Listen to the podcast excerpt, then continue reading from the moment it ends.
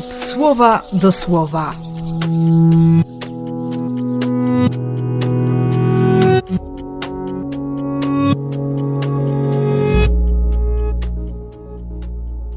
Dwudziesty piąty kwietnia, wtorek ze świętym Markiem.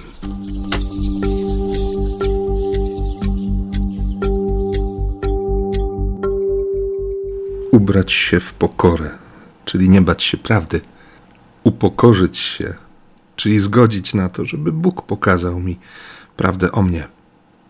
I chociaż czasami ta prawda jest bardzo bolesna, mocno kole w oczy, to dzięki łasce i nie wiem, jakie jest Twoje doświadczenie, ale, ale we mnie też e, pracuje to, że, że czasami paradoksalnie, właśnie dzięki wspólnocie Kościoła, w której rozpoznaję tę prawdę, mogę być ocalony bo przeciwnik, diabeł, zabójca, krąży jak pustynny lew.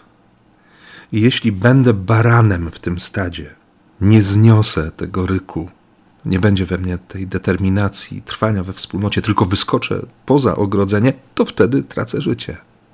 Choćbym się nie wiadomo jak bał, czegokolwiek, nawet siebie, to potrzebuję Kościoła. Potrzebuję Kościoła tego Kościoła, który ma iść na cały świat, ma głosić Ewangelię i robi to.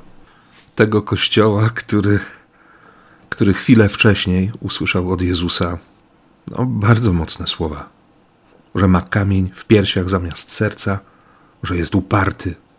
I jak już poznał prawdę ten Kościół, ci apostołowie, wtedy Jezus ich posyła, bo nie będą głosić dlatego, że są no właśnie, tak, tak wspaniali, tak wytrwali, tak dobrzy, tak pobożni, tak wierzący. Tylko będą głosić tacy, jacy są. Bo nie siebie głoszą, tylko, tylko wszechmogącego Boga. Boga, który kocha człowieka. Święty Marek przeżył to bardzo, bardzo mocno to przeżył na własnej skórze. Doświadczył tego wszystkiego. Może dlatego nie użył zbyt wielu słów, notując wyznania, zeznania, właściwie świadectwo, świadectwo świętego Piotra.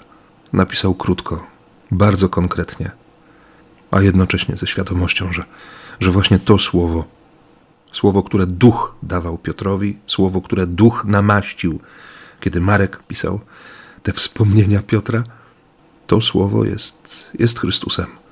W tym słowie jest Chrystus. I temu słowu można uwierzyć na słowo i właśnie takiej wiary i świadomości tego, że On naprawdę jest Bogiem bliskim. Życzę Ci i, i błogosławię w imię Ojca i Syna i Ducha Świętego. Amen.